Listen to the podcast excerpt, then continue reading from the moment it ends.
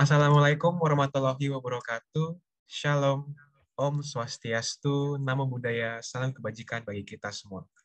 Selamat datang teman-teman semua di Road to CLCC Volume 2. Perkenalkan, nama saya Jeremy, selaku Panitia Asa CLCC 2021 akan memandu jalannya acara kita pada sore hari ini. Road to CLCC merupakan rangkaian acara menuju Asa CLCC 2021 Asosiasi 2021 akan mengangkat isu perlindungan hak pekerja perempuan di sektor informal. Jumlah pekerja perempuan di sektor informal meningkat seiringnya berjalannya waktu. Tetapi perlindungan hak kelompok kerja tersebut belum sepenuhnya terakomodasi lewat regulasi yang ada. Lalu, bagaimana kondisinya di lapangan? Dalam kesempatan Rotusia Sisi Volume 2 kali ini, kami akan membawakan judul Perempuan dalam Bingkai Profesi Sektor Informal, mengupas kondisi pekerja rumahan di lapangan. Sesi diskusi hari ini akan disampaikan oleh narasumber yang sangat luar biasa, yaitu Ibu Nuni Kristiana. Saat ini Ibu Nuni adalah Ketua Federasi Pekerja Rumahan Bantul. Baik, kalau itu langsung saja kita sambut ke untuk Ibu Nuni. Selamat datang, Bu Nuni. Terima kasih banyak sudah menyempatkan waktu untuk hadir bersama kami pada sore hari ini. Mau memperkenalkan diri dulu, nama saya Ibu Nuni Kristiana. Eh, saya Ketua Federasi Bantul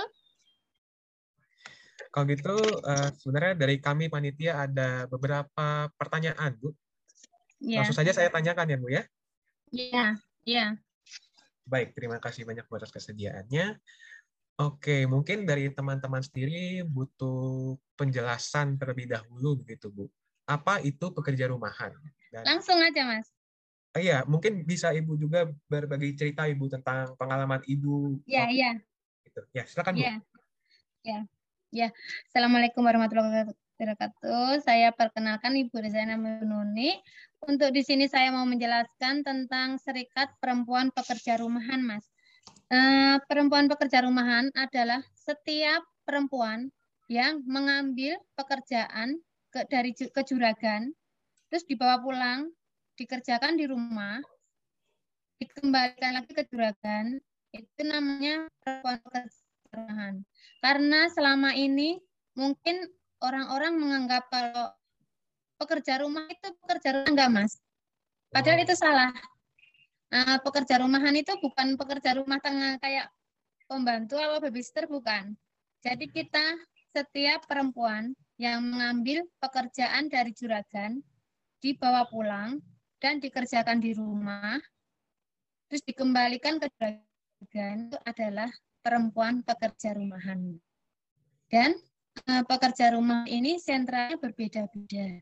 Ada yang melinjo, uh, jadi ngambil uh, melinjonya itu dari juragan, dibawa pulang, diempeng, dijemur, udah jadi empeng baru dikembalikan ke juragan. Terus kalau saya itu uh, adalah uh, penjahit kain perca.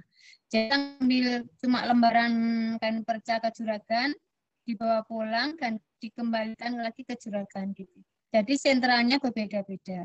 Uh, ada mungkin ada tujuh sentral yang ada di Bantul, Mas. Hmm. Beda lagi, lain lagi kalau yang di kota itu juga banyak. Tapi di sana kan ada yang uh, kayak manik-manik uh, bikin gelang-gelang gitu. Oh, perhiasan. Terus ada yang ya, terus ada yang bikin baju yang di apa uh, kain jarik di brom-brom itu dikasih uh, gitu juga ada. Jadi uh, begitulah uh, kalau untuk perempuan pekerja rumahan seperti itu. Baik, terima kasih banyak yeah. atas penjelasannya. Mungkin yeah. sudah yeah. Yeah. Uh, nah, lebar baru bagi kami yang menonton yeah. live. Kalau gitu mungkin selama Ibu bekerja sendiri sebagai pekerja rumahan, Bu, apa yeah. saja sih suka dan duka yang telah Bu alami gitu? Oh, aduh, banyak banget mas kalau suka dan duka. Karena eh, kita butuh pekerjaan ya mas. Jadi ya. untuk kalau saya bicarakan dulu ke saya pribadi ya, saya itu mengambil dari juragan itu lembaran kain gede mas. Itu saya bawa pulang, saya rajah, saya bikin pokoknya menjadi sebuah tas. Itu upahnya 2000 mas. 2000. Iya, itu sampai jadi tas. Hmm. Terus uh, kalau kita pengen naik sedikit aja mas kalau nggak mau ya udah tak kasih ke yang lain Nah, di situ kita nggak bisa berkutik karena kita juga butuh pekerjaan tersebut. Uh, kita lakonin gitu loh mas, karena juragan itu nggak mau itu ya udah tak kasih orang lain kalau kamu nggak mau ya udah nggak usah bekerja seperti itu. Terus kalau kita seandainya sakit tangannya kena jarum nih mas, iya. kan kalau jahit kan kita pakai jarum, tusuk iya. gitu sampai dalam ya udah berobat-berobat sendiri mau infeksi mau apa itu dia nggak mau tanggung mas seperti hmm. itu yang sangat mungkin teman-teman juga banyak yang mengalami hal tersebut itu banyak iya berarti ibu berdasarkan pengalaman ibu itu ya. banyak sekali ketidakadilannya begitu ya bu iya iya hmm.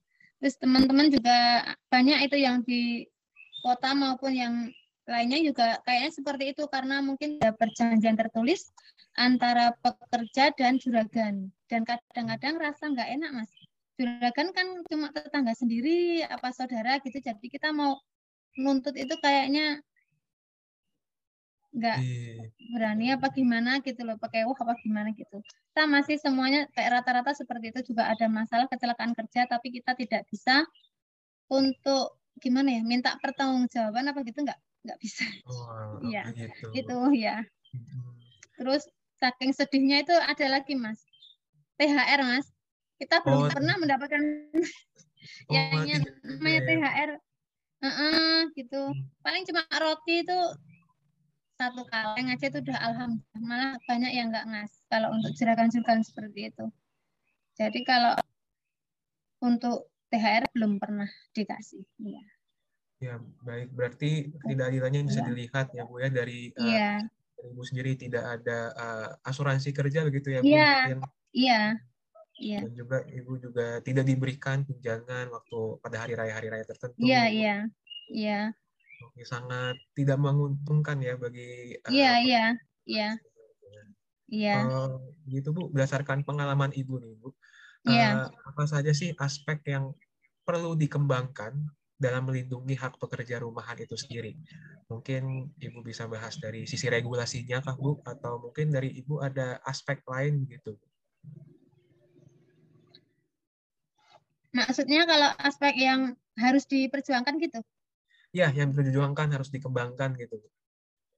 Oh, ya kalau untuk aspek-aspek yang kita perjuangkan itu, ya itu tadi mungkin untuk upah layak ya Mas. Upah layak. Upah layak. Uh, upah layak itu kayaknya upahnya terlalu minim gitu. Hmm. terus perlindungan bagi pekerjanya itu perlindungan ya semuanya gitu loh. Kadang kecelakaan kerja apa apa gitu juga penting hak hak kita hak hak, hak mungkin hak cuti apa gimana kalau mereka kan kalau nggak kerja udah nggak dibayar gitu gitu gitu mungkin itu iya Mungkin itu, Mas. Baik, baik, Bu. Berarti ya bisa saya simpulkan di sini uh, banyak sekali uh, ketidakadilan yang Ibu dan teman-teman Ibu sebagai pekerja rumahan hadapi. Yeah. Karena di sekolah yeah. mungkin bisa saya boleh saya tanya, ini berarti di bawah UMR ya, Bu ya? Apa untuk upahnya itu sendiri? Iya. Di bawah banget. Iya. Oh banget ya. Jadi uh, sangat uh, timpang sekali ya Bu sama pekerja-pekerja yeah. yang lainnya. Oke, okay. Iya. yeah. baik. Mungkin kalau begitu, uh, mungkin tadi sudah dijelaskan juga sedikit. Mungkin di sini teman-teman dan kakak-kakak juga hmm. mau hmm. tahu lebih dalam lagi sebenarnya yeah. apa sih itu Bu Serikat Pekerja eh, Perempuan Pekerja Rumahan SPPR itu Bu. Dan apa saja kegiatannya yang mencakup oh. SPPR yeah. itu? Iya. Kalau untuk kegiatan SPPR, uh, 10 serikat yang ada di Jogja, itu setiap bulan ada pertemuan rutin. Pertemuan rutin setiap serikat. Terus uh, juga ada arisan, ada simpan pinjam, ya. ada dana sosial juga. Terus kita juga mempunyai usaha sembako per serikat sembako serikat, Mas. Oke. Ya. Kita juga punya usaha serikat. Iya. Terus kalau untuk pertemuan federasi, setiap bulan juga, Mas. Oke. Iya. Berarti Terus di- itu, ah, maaf Bu, silakan lanjutkan. Kalau federasi itu juga kita ada usaha kelompok, ada koperasi juga, koperasi sembako federasi juga ada, simpan pinjam federasi juga ada. Dan untuk kegiatannya kita selalu dimasukkan di acara May Day Kabupaten, Mas. Oh, Karena kita sudah mendapatkan SK dari Kabupaten Bantul. SK dari Disnaker sudah ada, jadi kita sering dimasukkan gitu. Jadi ikut berpartisipasi untuk acara May Day apa maupun HAM HAM HAM itu juga kita. Oke, Iya. baik Bu. Jadi mungkin eh, keadaan apa keberadaan dari SPPR dan juga Iya. serikat ini eh, Iya. tentunya eh, saling membantu begitu ya Bu, Iya. Iya. pekerja rumahan gitu. Iya, Oke, Bu. Eh, kalau gitu saya ingin bertanya secara spesifik Iya. dan ke- Iya. untuk SPPR Bunda Mandiri ini, bagaimana SPPR Bunda Mandiri sendiri bisa membantu pekerja rumahan di daerah Bantul? Misalnya, bagaimana bisa yang sudah Ibu katakan tadi, bagaimana mengorganisir bahwa eh, SPPR ini dapat memudahkan dan juga mengadakan kegiatan bersama dan juga bagaimana SPPR ini bisa menguntungkan Bu bagi para anggotanya begitu. Apakah ada pelatihan-pelatihan tertentu? Apakah diberikan fasilitas? oh iya, iya, iya, ya. Terima kasih. Eh, Serikat SPPR yang di Bunda Mandiri yang ada di Bantul ini, kita selalu terbuka dengan catatan untuk perempuan pekerja rumahan. Jadi kalau bukan perempuan pekerja rumahan nggak bisa masuk di serikat kita, karena kan kita untuk ada kriteria khusus ya. bukan Iya. cuma IRT masuk juga enggak. Terus di sini kita sudah masuk ke Musdus sampai Musdes dan kita mendapatkan uang subsidi cuma untuk konsumsi uang konsumsi gitu ya. Uang Itu konsumsi. satu tahun 5 juta 200 dari kelurahan mas. Oh, dari kelurahan langsung, Bu ya? Heeh, sudah ngasih dana. heeh. Jadi terus kita juga sering mendapatkan pelatihan dari menjahit dari BLK Bantul itu menjahit itu sebanyak 16 orang. Terus kemarin ah eh, baru bulan kemarin itu kita mendapatkan pelatihan menjahit dari BLK provinsi. Kita mendapatkan dana ismas hibah Oh, mesin. Heeh, Mesin. Hibah mesin ya sebanyak 20 mesin mas Hmm. Heeh, jadi terus eh, orang-orang itu pada oh, ternyata ikut perempuan pekerja rumahan itu sangat menguntungkan selain kita bisa menjahit lebih eh, apa ya profesional gitu karena kita sudah bisa menjahit bukan tas perca aja kita bisa menjahit pola baju baju Hmm. apa pun kita sudah bisa Ya. jadi mungkin eh, bisa ter- menarik anggota-anggota yang lain untuk Oh. bergabung di Serikat Bunda Mandiri. Karena keuntungan banyak banyak sekali. Kita juga sering ada cek kesehatan gratis dari Dinkes ya. Terus Oke. setiap tahun kita dapat, Setiap terus tahun. kita juga dapat dari Disnaker Provinsi eh, untuk K3 Oke, oke. Sering mendapatkan itu setiap tahun. Bu, berarti mungkin tadi saya eh, tidak salah dengar, Iya. Ibu mendapatkan fasilitas mesin jahit ya, Bu, hibah mesin jahit dari BLK provinsi gitu. Berarti eh, fasilitas mesin jahit ini bebas digunakan, Bu ya, Iya, untuk anggota-anggota. Oke.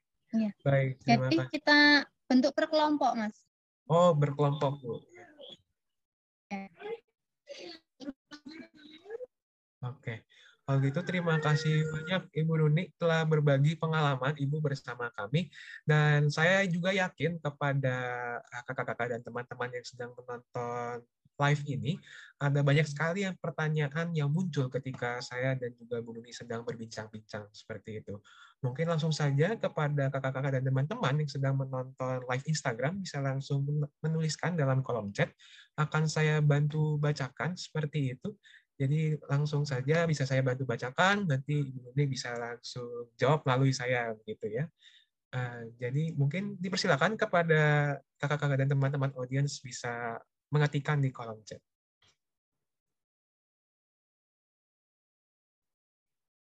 Oke, Baik Bu, uh, sudah ada satu uh, pertanyaan masuk dari uh, username bernama Davinars. Uh, menurut Ibu, apakah upah yang Ibu dapatkan sudah sesuai dengan kerja keras Ibu?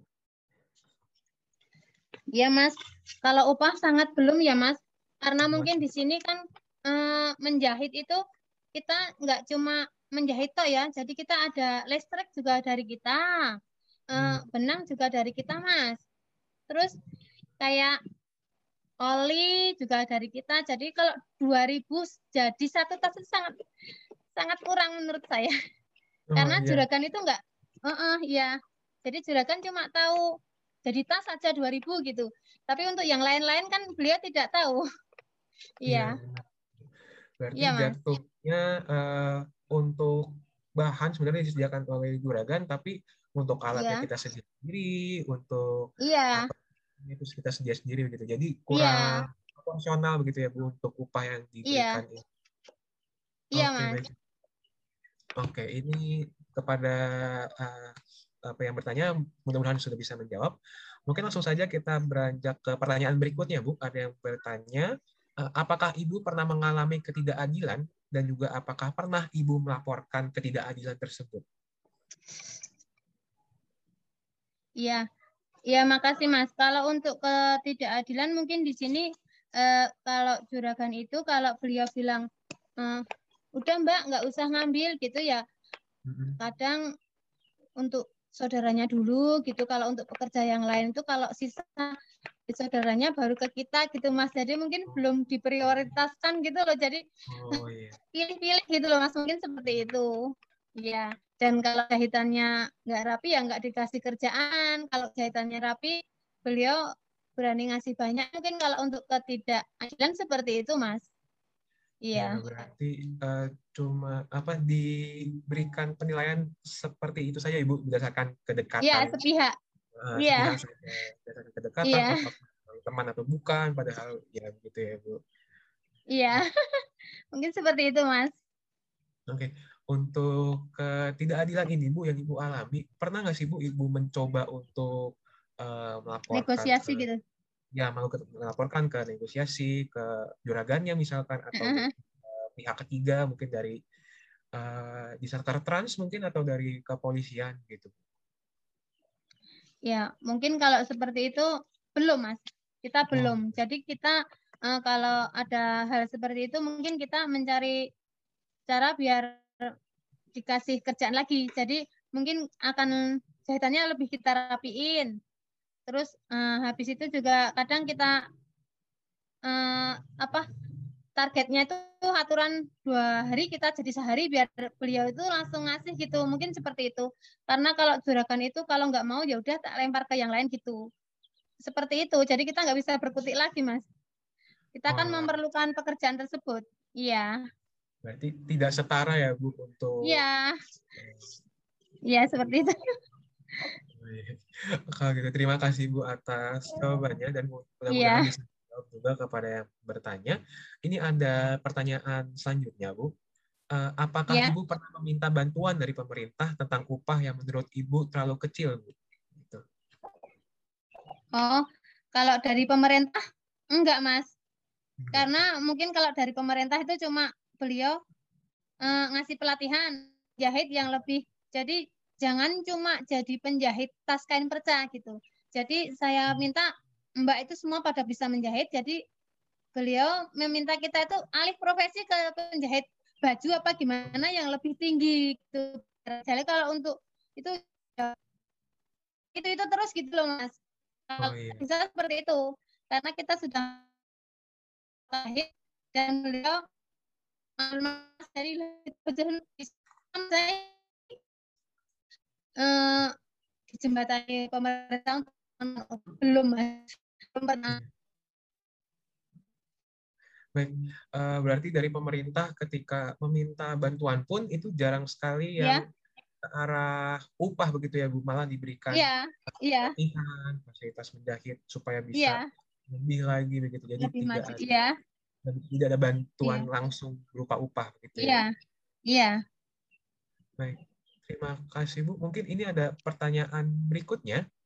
Ya. Apa harapan Ibu ke depannya dari SPPR Bunda Mandiri ini? Dan juga ya. bagaimana kegiatan-kegiatan yang sudah dilakukan dapat memberi keuntungan bagi anggota SPPR Bunda Mandiri?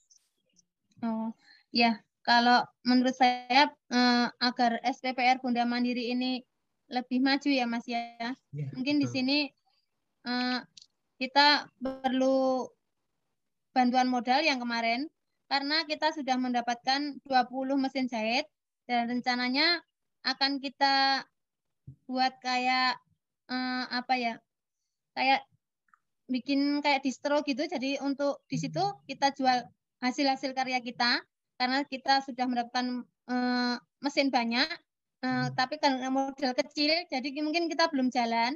Jadi untuk Bunda Mandiri emang ke depannya mau me bikin itu mas, uh -uh, brand tersendiri gitu. Oh, brand sendiri begitu. Iya, karena kita punya puncak sosok juga nanti insya Allah mau ada tempat di puncak sosok gitu. Baik, ya mudah-mudahan bisa yeah tercapai ya Bu ya untuk bisa mempunyai brand yeah. sendiri.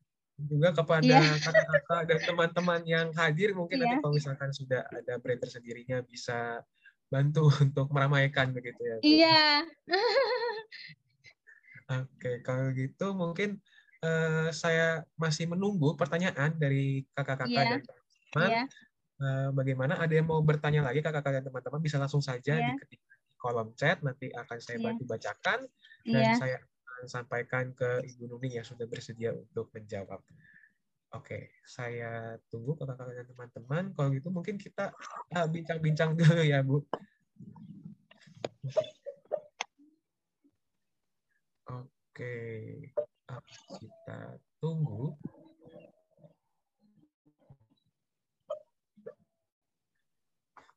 Baik. Baik, kalau begitu, kalau misalkan tidak ada pertanyaan lanjutan, mungkin dari saya hmm. sendiri ingin bertanya langsung kepada Bu Nuni. Ini pertanyaan murni dari uh, uh, pertanyaan saya, begitu Bu. Uh, sebenarnya apa sih yang ya. uh, perempuan pekerja rumahan inginkan langsung dari pemerintah? Apa sih bentuk bantuan konkret yang uh, perempuan pekerja rumahan inginkan? Mungkin bukan dari pemerintah saja, tapi uh, dari ya, ya pemerintah daerah begitu Bu. Iya, iya. Uh, kami adalah perempuan pekerja rumahan Mas, adalah pekerja dan kami perlu perlindungan Mas. Itu yang sangat sangat kami inginkan selama ini Mas. Karena mungkin kalau tidak ada perlindungan juga kita ya gimana ya se masih kecil ya gitu. kalau Jadi, begitu mungkin sepertinya dari Eh, kakak-kakak dan teman-teman uh, tidak ada pertanyaan lanjutan, kalau gitu uh, langsung saja saya akan akhiri untuk sesi tanya jawabnya. Oke, okay, iya. yeah. baik. Terima kasih banyak kepada Ibu Nunik sudah bersedia untuk berbincang-bincang bersama kami, menjawab keresahan kami dan juga pertanyaan-pertanyaan kami. Dan yeah. juga terima kasih banyak kepada kakak-kakak dan teman-teman yang telah hadir untuk menonton live Instagram ini dan juga hmm. sudah bertanya-tanya dengan sangat antusias kepada Ibu Mik mengenai perempuan pekerja rumahan dan bagaimana yeah. tidak tersebut bisa terakomodir. Mungkin saya izin untuk membacakan kesimpulan dari perbincangan kita pada sore hari ini ya, Bu. Pekerja rumahan bekerja dengan juragan. Seperti contohnya produk yang dihasilkan seperti perhiasan, tas, ataupun uh, uh, baju-baju seperti itu. Dan juga sering kali pekerja rumahan ini mengalami ketidakadilan, misalnya dalam hal upah dan juga dalam hal K3 keselamatan dan kesehatan kerja dan juga dalam perlindungan itu sendiri sangat minim. Dan juga melalui kesamaan kondisi tersebut eh, terbentuklah adanya serikat pekerja rumahan, serikat perempuan pekerja rumahan. Dan melalui solidaritas ini terbentuk juga maka suara dari ibu-ibu yang hadir dalam serikat tersebut dapat lebih didengar oleh pihak-pihak yang terkait dan juga dalam melindungi hak yang dimiliki oleh profesi perempuan pekerja rumahan. Serikat ini mempermudah dalam mengorganisir visi dan misinya, serta juga memberikan keuntungan bagi anggota-anggotanya. Misalnya dalam membentuk suatu usaha bersama, hingga bisa mendapatkan pelatihan bersama yang difasilitasi itu sendiri. Oleh karena itu, harapannya kepada pemerintah dan pihak terkait dapat memperhatikan keadaan lapangan pekerjaan rumahan, di mana diperlukan penambahan penegakan perlindungan bagi para pekerja rumahan yang masih tidak dilindungi oleh asuransi kerja ataupun BPJS di mana pun. Baik, mereka pun juga berada di luar dari kontrak kerja itu sendiri, juga menimbulkan suatu uh, ketidaksetaraan yang lebih lagi dengan pekerja yang lain dan juga yang diharapkan oleh perempuan pekerjaan rumah perempuan pekerja rumahan adalah hanya satu yaitu perlindungan yang lebih dan juga perlindungan yang lebih uh, substansial dan yang lebih konkret dari pemerintah itu sendiri. Baik, terima kasih Bu Nuni sudah berbincang dan juga berbagi bersama dengan kami dan kami ucapkan terima kasih sebanyak-banyaknya kepada kakak-kakak dan teman-teman yang telah aktif berpartisipasi dan juga semoga kita dapat bertemu lagi dalam kesempatan di lain waktu. Dan juga untuk informasi lebih lanjut bahwa live Instagram Road to CLCC ini akan diunggah dalam bentuk podcast di Spotify Road to CLCC. Jadi kalau misalkan kakak-kakak dan teman-teman ada yang ingin uh, menggali lebih dalam lagi atau merecall dari pembicaraan kita, perbincangan kita pada sore hari ini, bisa langsung saja ke Spotify dan search Road to CLCC dan kami akan mengupload uh, apa live Instagram ini dalam bentuk podcast. Jadi hanya audionya saja begitu. Dan juga tak lupa saya akan mengingatkan kepada kakak-kakak dan teman-teman yang hadir yang menonton live Instagram ini, bahwa rangkaian acara CLCC tidak akan selesai pada kali ini saja. Selanjutnya akan ada online talk show yang akan diselenggarakan dengan waktu dekat, yaitu tanggal 13 November tahun 2021, pukul 1 siang WIB. Jadi kakak-kakak dan teman-teman jangan lupa untuk mengikuti online talk show dan jangan lupa langsung registrasi ketika registrasi sudah dibuka dan juga ikuti terus sosial media CLCC ASEAN CBM untuk mengetahui informasi lebih lanjut. Baik, saya Jeremy sebagai host yang akan yang telah memandu jalannya acara pada sore hari ini, meminta maaf apabila ada tutur kata atau perbuatan saya yang kiranya berkenan di hati, kurang berkenan di hati. Akhir kata akan saya ucapkan, wassalamualaikum warahmatullahi wabarakatuh. Shalom. Om Santi Santi Santi Om Namo Buddhaya. Waalaikumsalam warahmatullahi wabarakatuh. Bagi kita semua to inspire and to aspire, Alsa, always one.